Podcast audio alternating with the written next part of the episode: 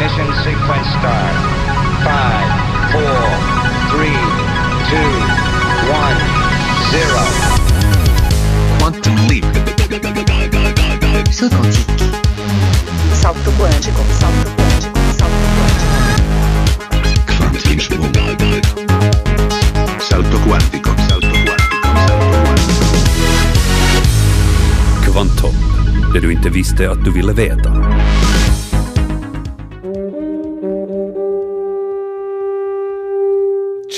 Skrift, det är ju en helt briljant uppfinning när man tänker på saken.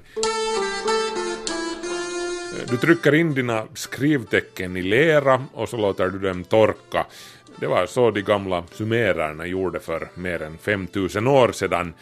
Om texten inte var så viktig så kunde du lägga lertavlan i blöt och så var det bara att återanvända leran. Om dina ord var superviktiga, bevingade, rent av odödliga så brände du tavlan och så höll den, tja, för evigt mer eller mindre om ingen slog sönder den till riktigt små skärvor.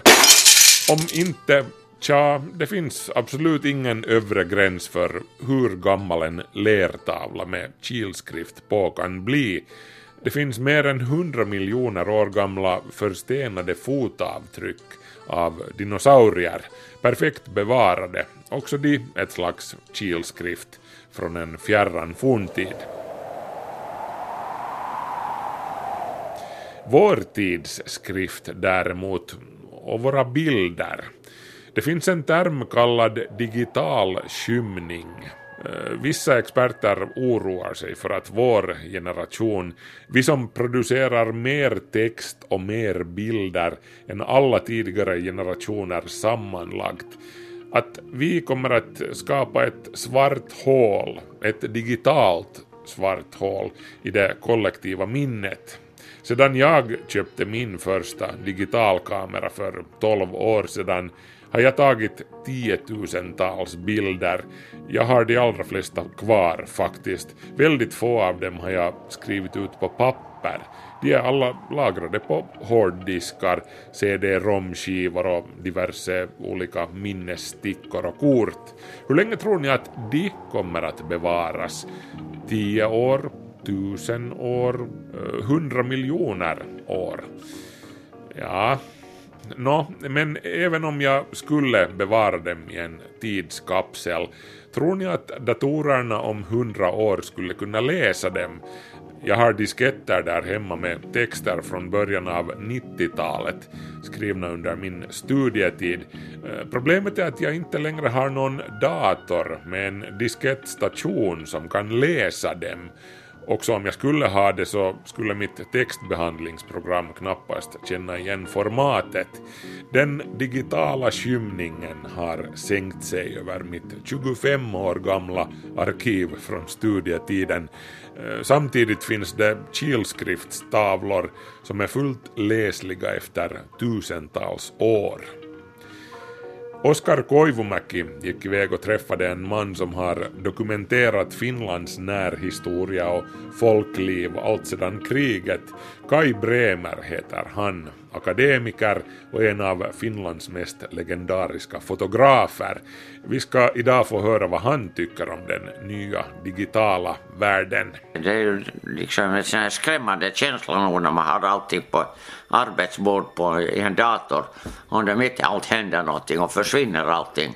Så, så det där har man inte en sån här säkerhetsmarginal liksom med, med en hårdskiva som det går in i. Men det kan, jag har haft det på en hårdskiva som också föll i golvet och då, så försvann allting därifrån. Hur blev vi människor empatiska? Senare i programmet ska vi träffa den nederländske psykologen och primatforskaren Frans de Waal som menar att empatin kom till som en biprodukt av våra apförfäders eller snarare förmödrars omsorg för sina småttingar. And if that is true, then in mammals at least, you would expect females to have more of it than males. En hona måste ju omedelbart reagera på sin unge om den är störd, nedkyld eller hungrig. Annars riskerar den att dö.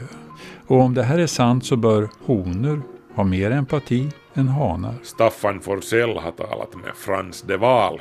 Bosse Ahlgren i sin tur gick iväg till robotlabbet vid Lunds universitet för att kolla vilket läget är med forskningen kring artificiell intelligens.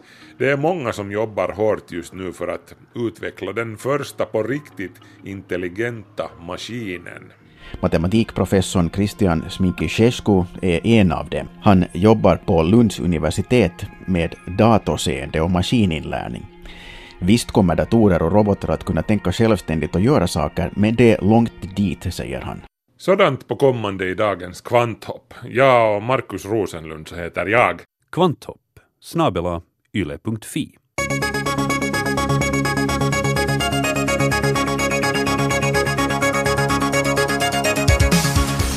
Så var det återigen showtime för CERNs enorma partikelaccelerator LHC, världens största maskin utanför Genève.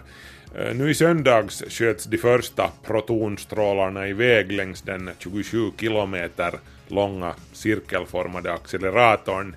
Eh, starten försenades en aning sedan man upptäckte ett fel i en av de 1232 supraledande dipolmagneter som böjer strålen så att den kan bilda en cirkel.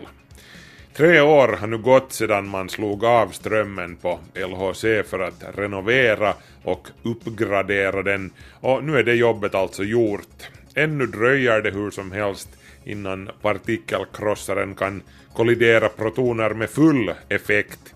Det kommer att ske tidigast om två månader och då smäller det på allvar med en sammanlagd kraft på 13 teraelektronvolt.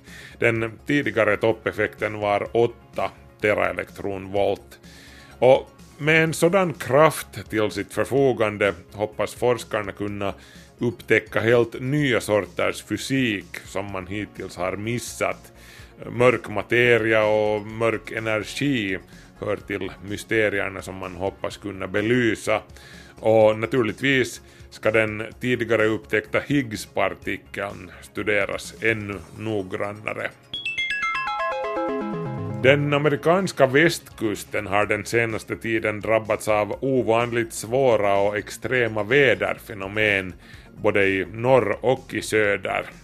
Kalifornien genomlider just nu sin värsta torka i mannaminne, eh, vilket har lett till en vattenkris som till och med överskuggar det ständiga jordbävningshotet som delstaten alltid lever under. Eh, förra veckan införde guvernören Jerry Brown vattenransonering i Kalifornien. Eh, vattenförbrukningen ska skäras ner med en fjärdedel. Bland annat så vattnar man inte längre kommunala gräsmattor och gröna områden som nu får bli bruna. Eh, som det ser ut nu så kan Kaliforniens vattenreserver vara uttömda inom ett år.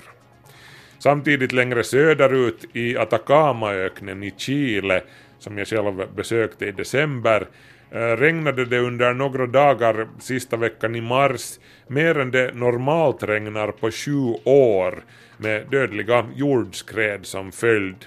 Minst tio människor miste livet. Atacamaöknen är världens torraste öken. Det finns ställen i Atacamaöknen där det inte har regnat på mer än 400 år. Därför finns det ingen växtlighet vars rötter skulle binda jorden. Eh, jorden suger inte heller i sig något vatten. Eh, vattenmassorna bara rinner iväg och sköljer med sig allt som kommer i deras väg. Nödläge har utlysts i regionerna Atacama, Antofagasta och Coquimbo i Chile. Framtida kolonisatörer på månen kanske kommer att bo i någon av lavatunnlarna som genomborrar månytan. NASAs Grail-satellit har upptäckt tunnelöppningar i månytan som kan vara så pass stora som en kilometer i diameter. De har bildats för länge sedan när månen ännu hade vulkanisk aktivitet och till skillnad från lavatunnlar här på jorden så har de inte eroderats av väder och vind utan de har behållit sin symmetriskt runda form. Med tanke på framtida månkolonier skulle de vara perfekta som tillflyktsort. Där nere skulle kolonisterna vara i skydd från solens partikelstormar och från fallande mikrometeoroider. På lång sikt kunde man till och med tänka sig att tunnelmynningen täpps till och görs lufttät så att man kan inrymma en hel månstad inuti tunneln.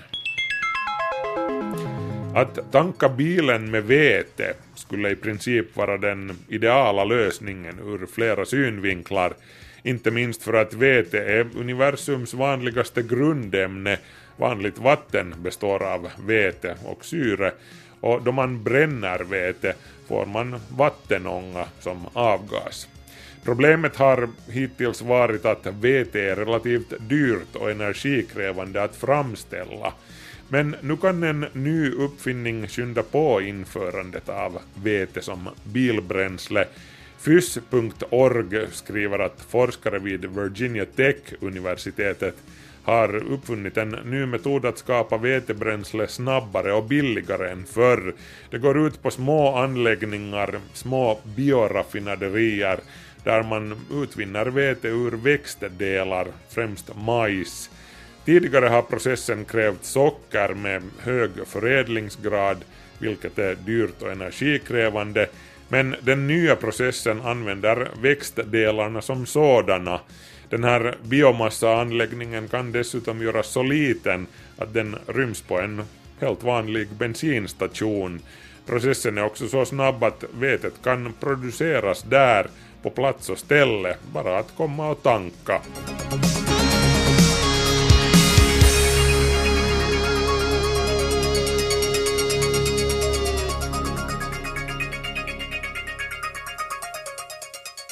Eh, Nåjo, lite mer forskning och utveckling krävs det såklart innan vi kan tanka där. Liksom det också dröjer ett tag till innan vi har robotar som på riktigt sköter sig själva och tänker självständigt. Artificiell intelligens, äkta sådan, med maskiner som man på riktigt kan snacka med, är fortfarande science fiction. 75 år sedan Isaac Asimov skrev sin science fiction-klassiker Jag, Robot. Men hur länge dröjer de smarta maskinerna ännu? Vi har talat med professorer som forskar i robotar för att kolla hur långt forskningen har kommit. Det har gått århundraden eller egentligen ett par årtusenden sedan människan har fantiserat om robotar eller maskiner som kan tänka själv eller åtminstone sköta uppgifter på egen hand så vi inte behöver bry oss om sånt som känns tråkigt eller är farligt. En del har varnat för att det också kan vara farligt att bygga maskiner som kan tänka själv allt för mycket. Robotar som plötsligt bestämmer sig för att människan inte alls är bra att ha på planeten är hotbilder som målats upp emellanåt. Men forskare jobbar hårt på att försöka få robotar att uppfatta, analysera, förutse och fungera självständigt. Matematikprofessorn Christian Sminkishescu är en av dem. Han jobbar på Lunds universitet med datorseende och maskininlärning. Visst kommer datorer och robotar att kunna tänka självständigt och göra saker, men det är långt dit, säger han. We are not yet there in terms of having a setup where you know you you have a robot or, or an artificial system looking at the world and interacting with the world at at such a massive scale, so it could learn about um, all these relations and modalities in an integrated fashion. Vi är ännu inte i det skedet att en robot kunde se, lära och reagera på omvärlden. Det kräver en analys av en enorm mängd information som ännu inte är möjligt. Redan bilder och video innehåller en så stor mängd onödig data att det i dagens läge är svårt att hantera, säger professor Christian Smikishescu. Även om hanteringen av big data har möjliggjort stora framsteg också inom robotiken så är det många problem som återstår att lösa. För tillfället är det för stor mängd information som man inte riktigt vet hur man ska analysera för att få en, låt oss säga, artificiell intelligens att fungera självständigt också i begränsad omfattning. Men forskningen går framåt med stormsteg. So still there is tremendous potential in actually developing the individual component, the visual, visual processing, the sound processing, uh, interaction, navigation. So uh, all those areas are now Uh, they, they are not in sort of uh, they, they are in, in full swing i would say.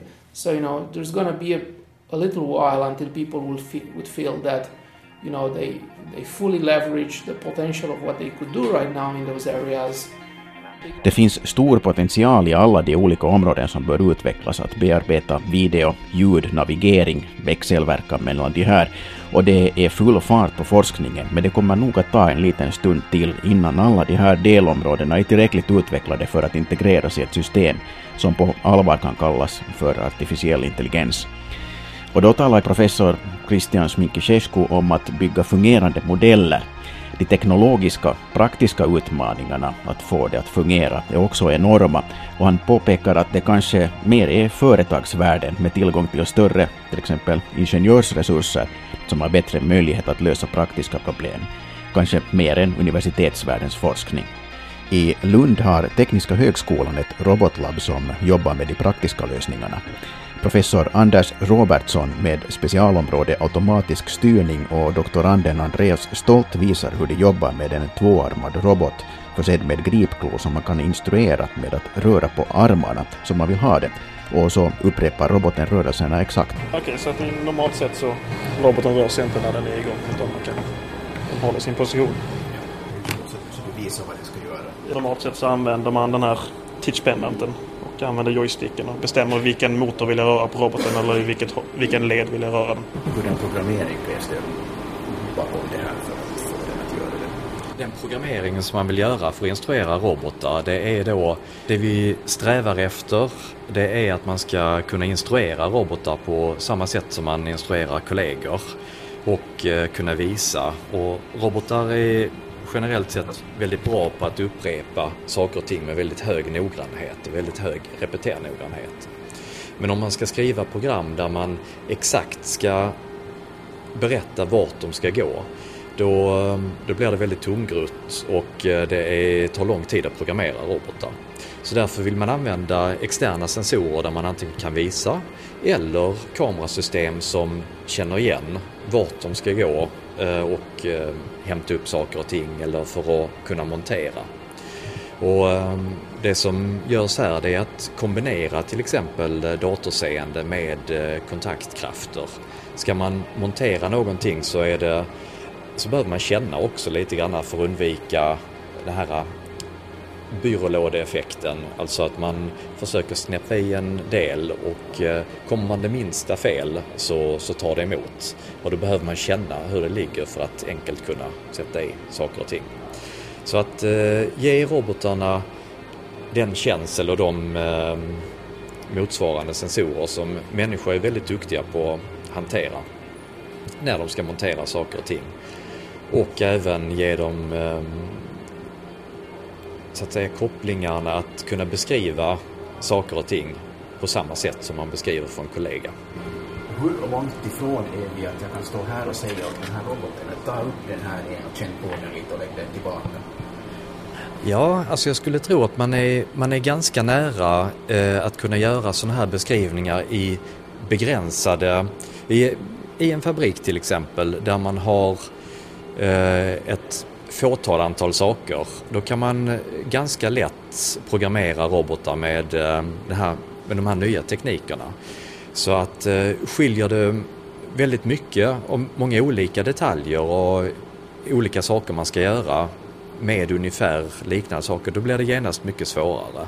Människor är väldigt duktiga på att kunna särskilja i olika mm, sammanhang och så.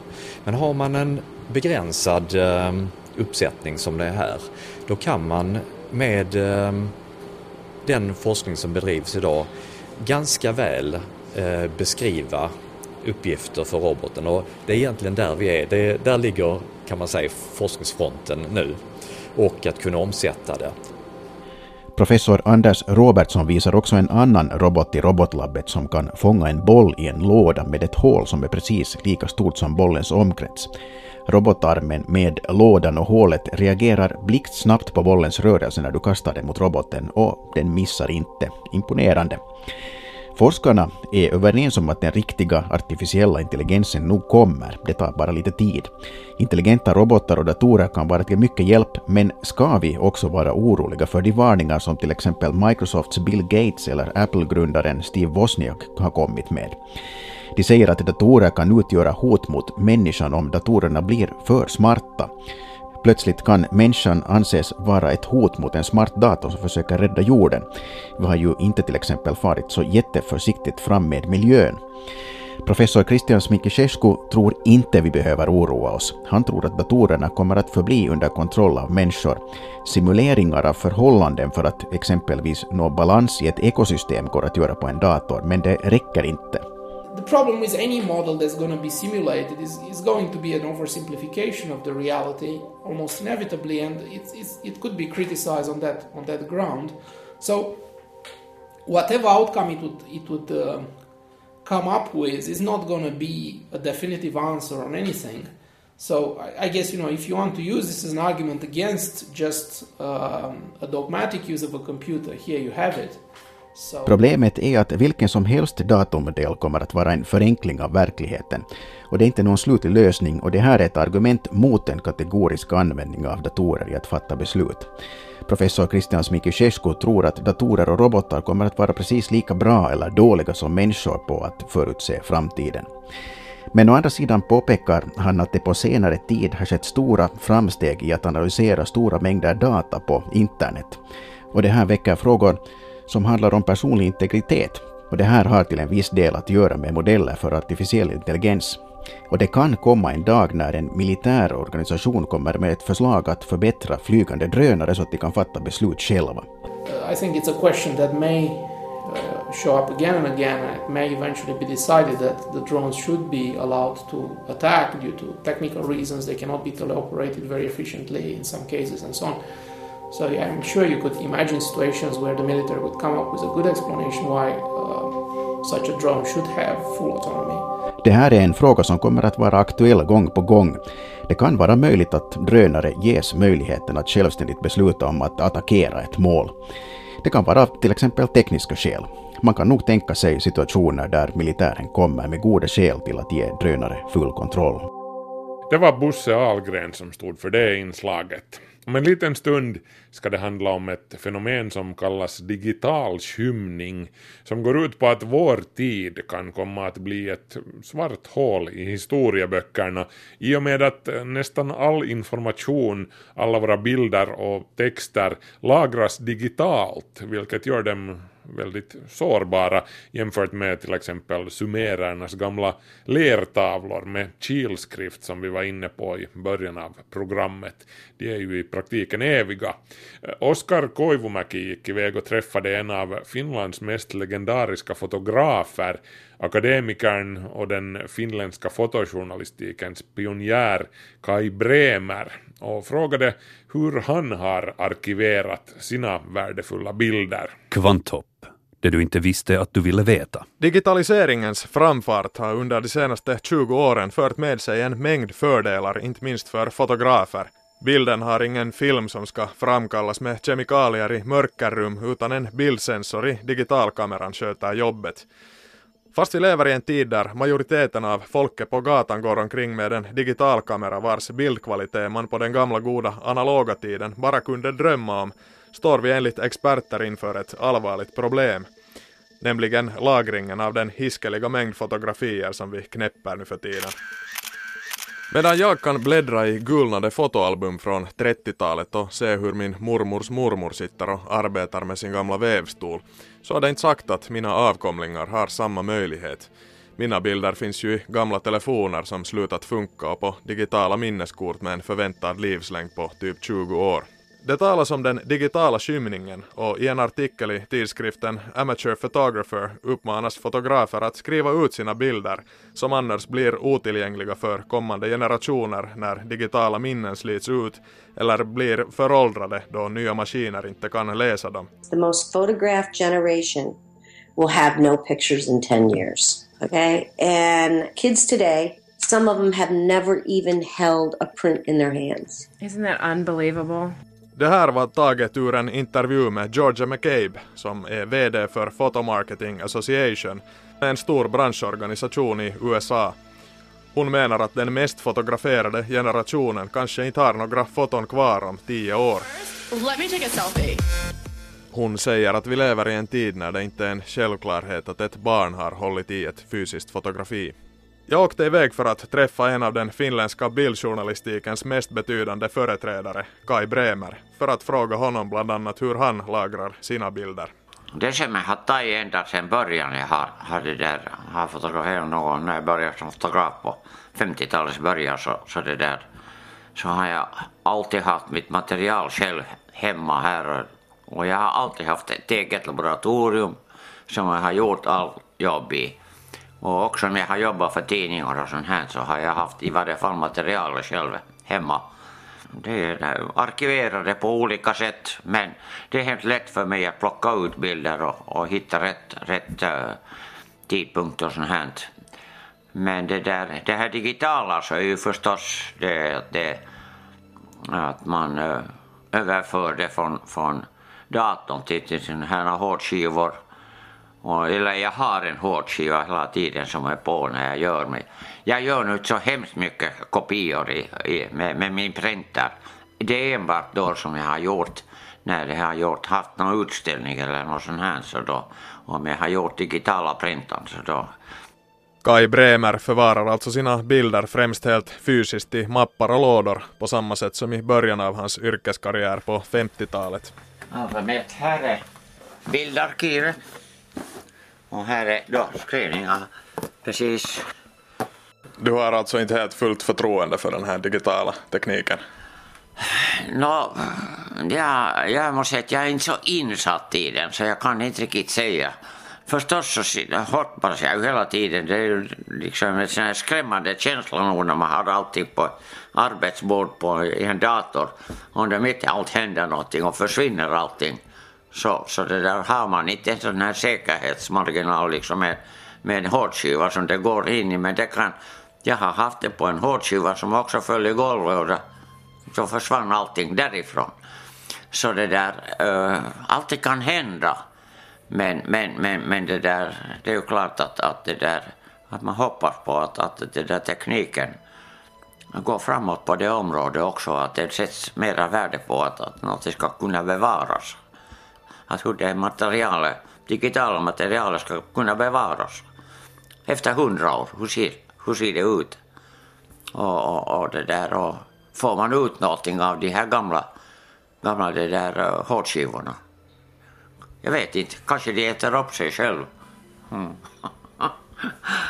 Det talas mycket om livslängden på olika lagringsenheter och de transistorbaserade lagringsminnena eller flashminnena som idag används i mobiltelefoner och digitalkameror har en livslängd som beror på hur många gånger man programmerar minnet, alltså helt enkelt hur ofta man laddar upp och läser av det. Jag frågar Kai Bremer hur mycket man som yrkesfotograf funderar på hur länge bilderna man tagit helt enkelt kommer att existera. No, det var nog egentligen det som var utgångspunkt för mig då när jag, när jag började. Att jag tänkte att, att ju äldre jag blir och så, så blir ju mitt material liksom mera historiskt och annat. Och det där, då hade jag, fick jag den skolningen i varje fall att jag, att jag det där, att hur man ska, eh, då när man eh, fotar på gamla sätt med filmrullar och saker, att hur filmerna ska framkallas för att de ska kunna bibehållas och, och det där och man gör också det, det är förstoringar att hur, hur de ska behandlas för att bli så att säga uh, man kallar det liksom att de duger för liksom museer och saker. Och det där, förstås har man något haft jätteskyndsamt och inte kunnat göra, följa allt det där när det var bara fråga om någonting att tidningen fort skulle få bilder eller sånt här. Men jag har försökt göra mitt allra bästa för att, för att kunna uppbevara. Och vad jag har nu märkt nu efter så här många år så, så när jag tittar på gamla negativ så ser de likadana ut som när jag satt, satt in dem. det har ju inte hänt några, katastrof katastrofer i varje fall inte. En stor del av Kai Bremers enorma produktion speglar det finländska samhällets utveckling från efterkrigstiden fram till idag. Jag frågar hur han upplever att vårt förhållande till fotografier har förändrats under de senaste 60 åren. De flesta människor går ju omkring med, med det där har eh, uh, den här mobiltelefonen och där är kameran inbyggd i den och människor tar bilder jättemycket och skickar dem och, och både i Facebook och Instagram och, och överhuvudtaget på olika sådana här. Det är bara att trycka på en knapp och automatiskt. Sköter all, kameran allt. Och det, där, och det är bara enda fråga om motivvalet som, som du ännu tills vidare själv väljer. Och det där. Men bildens roll i samhället har, har förändrats. Det, det cirkulerar bilder i miljontals hela tiden omkring. I dagens samhälle så har foto på det viset blivit erkänt att det hemskt mycket eh, arrangeras fotoutställningar och, och, och det där och tidningar ser ut alldeles annorlunda ut än när jag började. Bildens roll har vuxit hela tiden och, och, och det där och, och, och den här trycktekniken går framåt på det viset. har gått framåt att de bilderna ser fina ut i tidningar och saker. Så att det, det, det, det är liksom ännu, men, men, men det där, men vad framtiden hämtar så det är lite svårt att säga om det. Det spekuleras ju hela tiden om att, att eh, papperstidningar kommer att försvinna kanske i framtiden och så är det bara att man sitter och tittar på skärmar och annat. Amatörer eller ska vi säga vanliga människor som har kameror så de nöjer sig med att bara se en gång bilden. Ta nästa bild, det är inte så hemskt viktigt att ta fram sen de gamla bilderna där, jag vet inte. Jag menar, du tar nu för tiden så är det inte så då när jag började ta, då kunde man ta liksom på, på rulle då en, kanske tre, fyra bilder. Nu tas det tre, 30-40 bilder på några sekunder. Det talas också om en slags motreaktion till digitaliseringen där folk allt mera vill gå tillbaka till det analoga och till exempel det brittiska företaget First Call Photographic som normalt säljer mörkerrumsverktyg erbjuder idag också att konvertera digitala bilder till svartvit film, negativfilm och diabilder. Jag frågar hur fotografen Kai Bremer ser på den utvecklingen. Nu när jag sa ju att i början på det här att jag har gjort bilder på nytt i mörkrum och jag tyckte att det var jätteroligt. Och det, det är en viss slags sån här charm tycker jag för fotografering. Det, det är det att man kommer in i ett mörkrum och småningom ser en bild bli framkallad i en vätska som kommer fram. Och det, det, där, det är en sån här ganska intensiv upplevelse. Och, och det där ser om, om, om den blir lyckad eller inte. Och det där, nu för tiden så när du tar digital så svänger du bara på kameran så ser du genast att om du har lyckats eller inte. Och, och, och, det där. och som sagt så har du mycket större möjlighet att korrigera bilderna digitalt än, än analogt. Men, men ändå är det eh, lite spännande att vara i ett mörkrum och, och göra bilder så det saknas nog när du tar bilder med digitalkamera. Ni hörde akademikern och den finländska fotojournalistikens grand old man Kai Bremer. Oskar Koivumäki var det som intervjuade.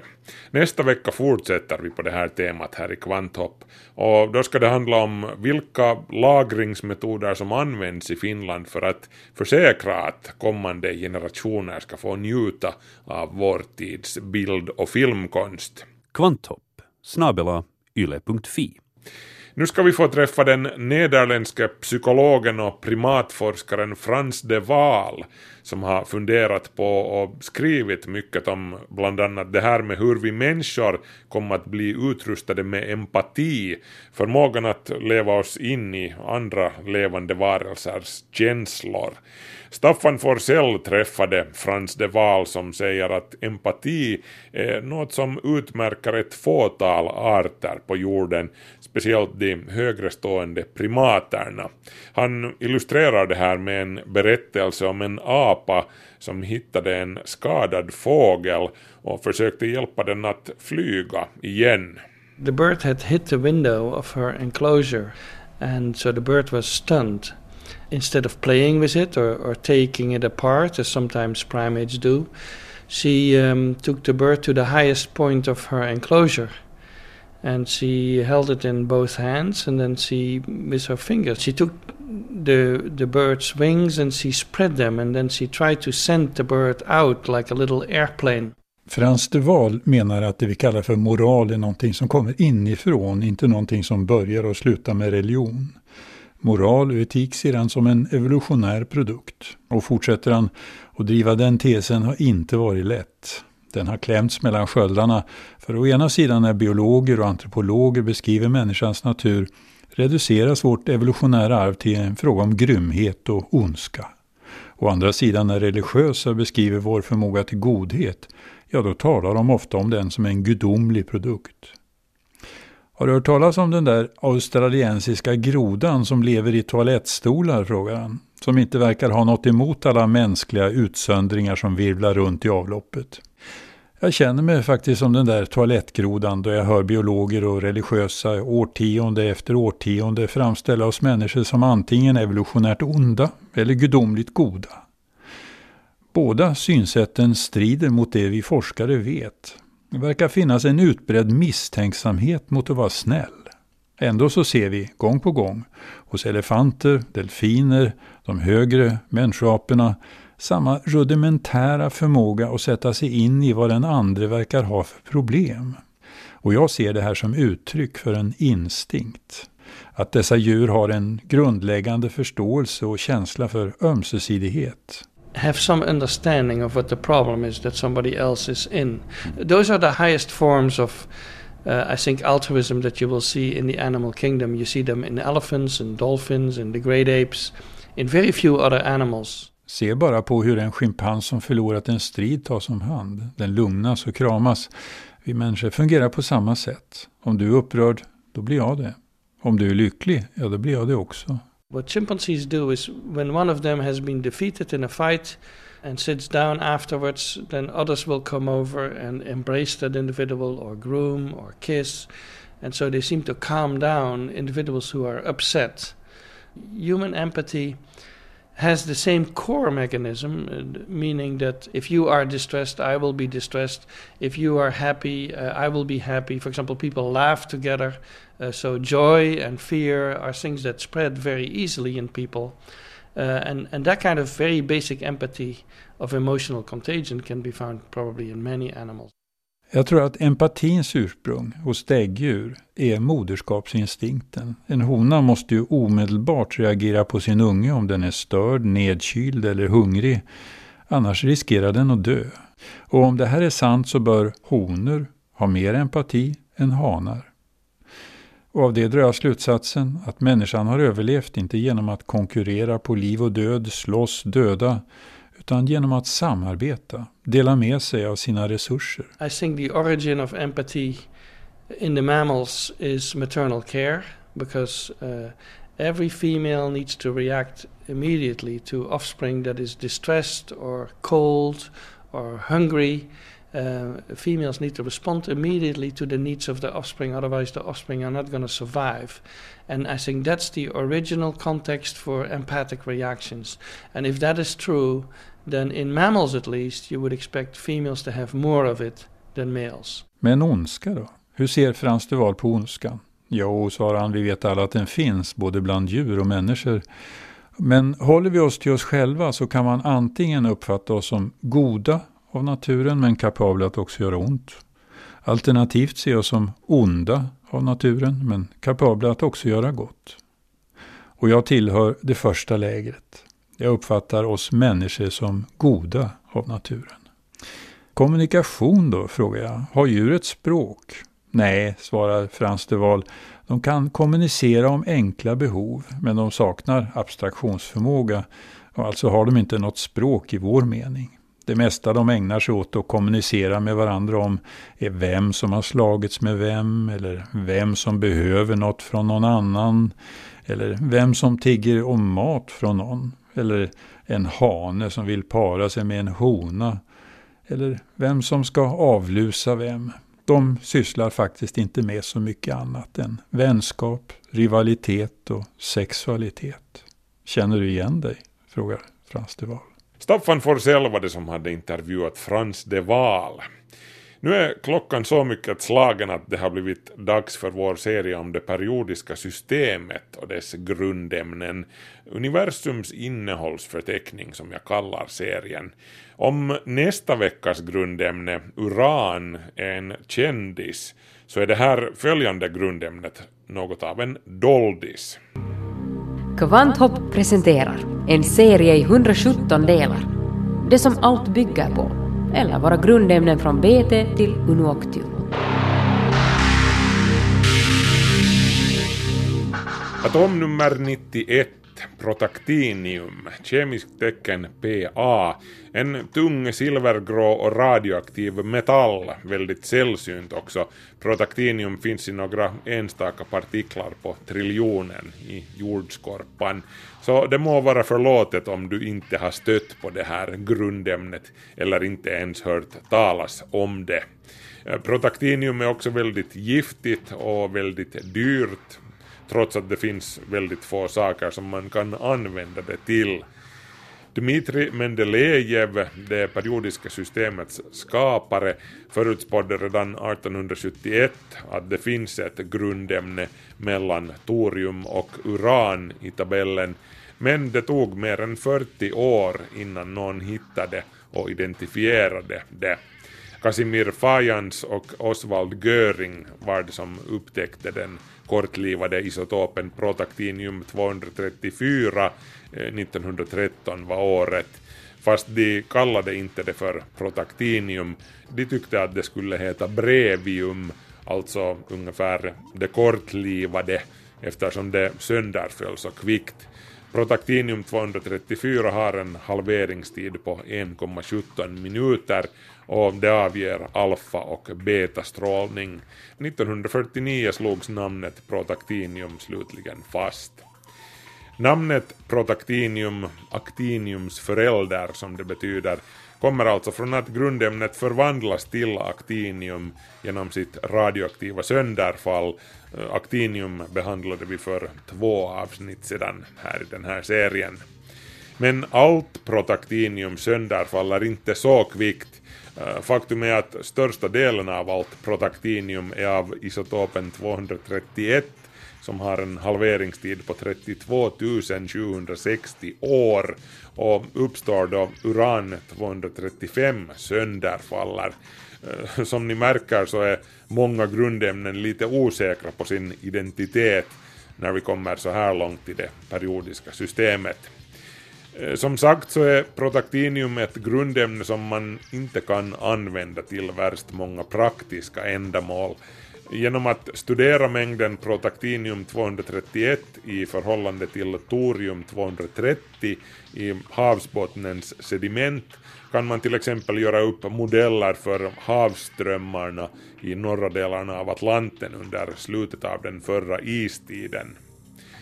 Protaktinium är alltså väldigt giftigt och ska hanteras superförsiktigt om man mot förmodan hanterar det.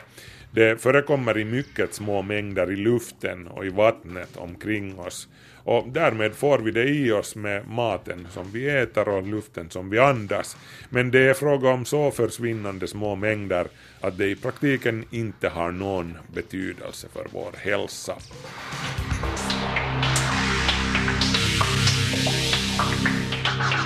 Du har hört del 91 i Kvanthopps serie om våra grundämnen. Nästa vecka uran.